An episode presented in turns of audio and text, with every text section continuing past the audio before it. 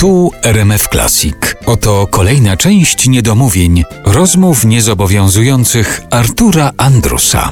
Andrzej Sikorowski jest dzisiaj naszym gościem w RMF Classic w Niedomówieniach. Stworzył nam się w przypadku takich artystów, którzy sami sobie grają na gitarze, kącik pierwszej gitary w tych audycjach. Ja pytam ludzi, czy pamiętają swoją pierwszą gitarę, skąd ją mieli, jaka to była gitara Mhm. i co się z nią stało. Pamiętasz wszystko? Pamiętam. Pamiętam, ponieważ y, jak y, zacząłem przejawiać zainteresowanie gitarą, zresztą mój Boże, kto pod koniec 50. lat, na początku 60., kiedy byliśmy zafascynowani y, y, muzyką, bo przecież radio to było medium najważniejsze. Kiedy zacząłem zdradzać zainteresowanie muzyką i śpiewałem sobie coś tam, chciałem ewentualnie akompaniować, to rodzice postanowili te moje marzenia w jakimś sensie zrealizować. Tylko okazało się, że ja mam malutkie łapy i ja sobie z gitarą w ogóle nie radzę.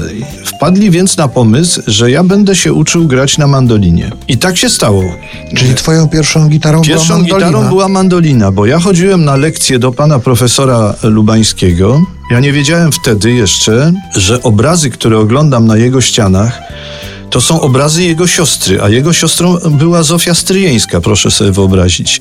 Pan Lubański doprowadził mnie do takiego poziomu jakby opanowania tej mandoliny, że jak przychodziłem na kolejną lekcję, to trwało tam ze 2 czy 3 lata, to rozkładał e, nuty, siadał do fortepianu albo brał gitarę właśnie, na którą ja patrzyłem z oskomą i nabijał tempo i graliśmy sobie jakieś serenady, walczyki i tak dalej. I ja grałem na tej mandolinie, on mnie akompaniował. No ale jak wychodził z pokoju, bo czasem zostawiał mnie samego, to ja dopadałem tej jego gitary i próbowałem po prostu, no rozkoszowałem się trzymaniem czegoś takiego w, w, rękach.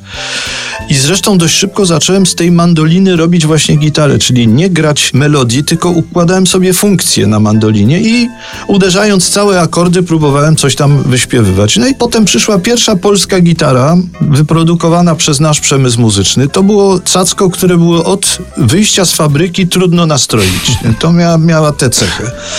A do mandoliny czasem wracasz jeszcze? Mandolina jest w domu, ja na niej grywam. I powiem ci, że pierwszy wyjazd mój do Stanów Zjednoczonych zawdzięczam mandolinie. Bo w 87 roku Janusz Rewiński robił taką składankę i ułożył z czwórki polskich artystów podwórkowy zespół, który miał rodakom za oceanem wycisnąć łzy przy pomocy piosenek lwowskich. Zespół ten tworzył Krzysiek Piasecki grający na gitarze, ja grający na mandolinie, Iwona Biernacka, żona Rewińskiego na skrzypcach i Staszek Zygmunt grający na cyi, czyli na akordeonie. I myśmy byli fantazyjnie jakoś przebrani, jakieś peleryny, coś i tak dalej. Cekinowe marynarki? Nie. Nie, nie, nie, nie, nie, nie, nie. Raczej, raczej, raczej stylistyka taka, powiedziałbym, cyganeryjna, o coś takiego. No i żeśmy to od Nowego Jorku po Los Angeles, bo trasa tak przebiegała, wtedy, wtedy jeszcze pamiętam przez Houston chyba, żeśmy grali te jakieś takie właśnie takie szmonce lwowskie. Być może, że, że starym lwowiakom y, to łzy wyciskało, to dzisiaj mam świadomość, że to, że to musiało straszną, zalatywać straszną cepelią, no ale jeden z powodów, ja tam oczywiście z gitarą też śpiewałem parę piosenek, ale jeden z powodów y, powołania mnie do tego, do tej trupy czteroosobowej, no to była ta umiejętność grania na mandolinie, także mandolina się przydała.